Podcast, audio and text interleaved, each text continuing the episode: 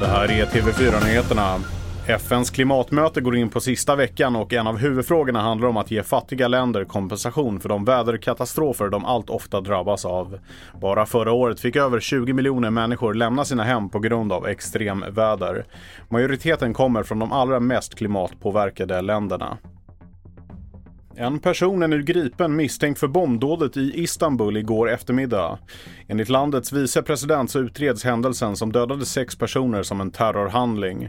Så här säger norrmannen Paul som blev vittne till händelsen.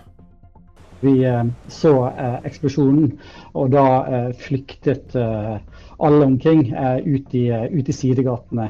Så det var en väldigt dramatisk händelse och jag och min son vi gick in i överlevelsesmodus.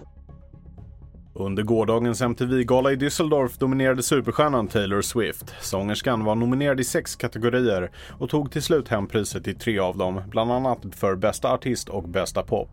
För Sveriges del var både Swedish House Mafia och Tove Lo nominerade på galan, men de gick lottlösa. Mitt namn är Felix Bovendal och mer nyheter hittar du på tv4.se och i appen.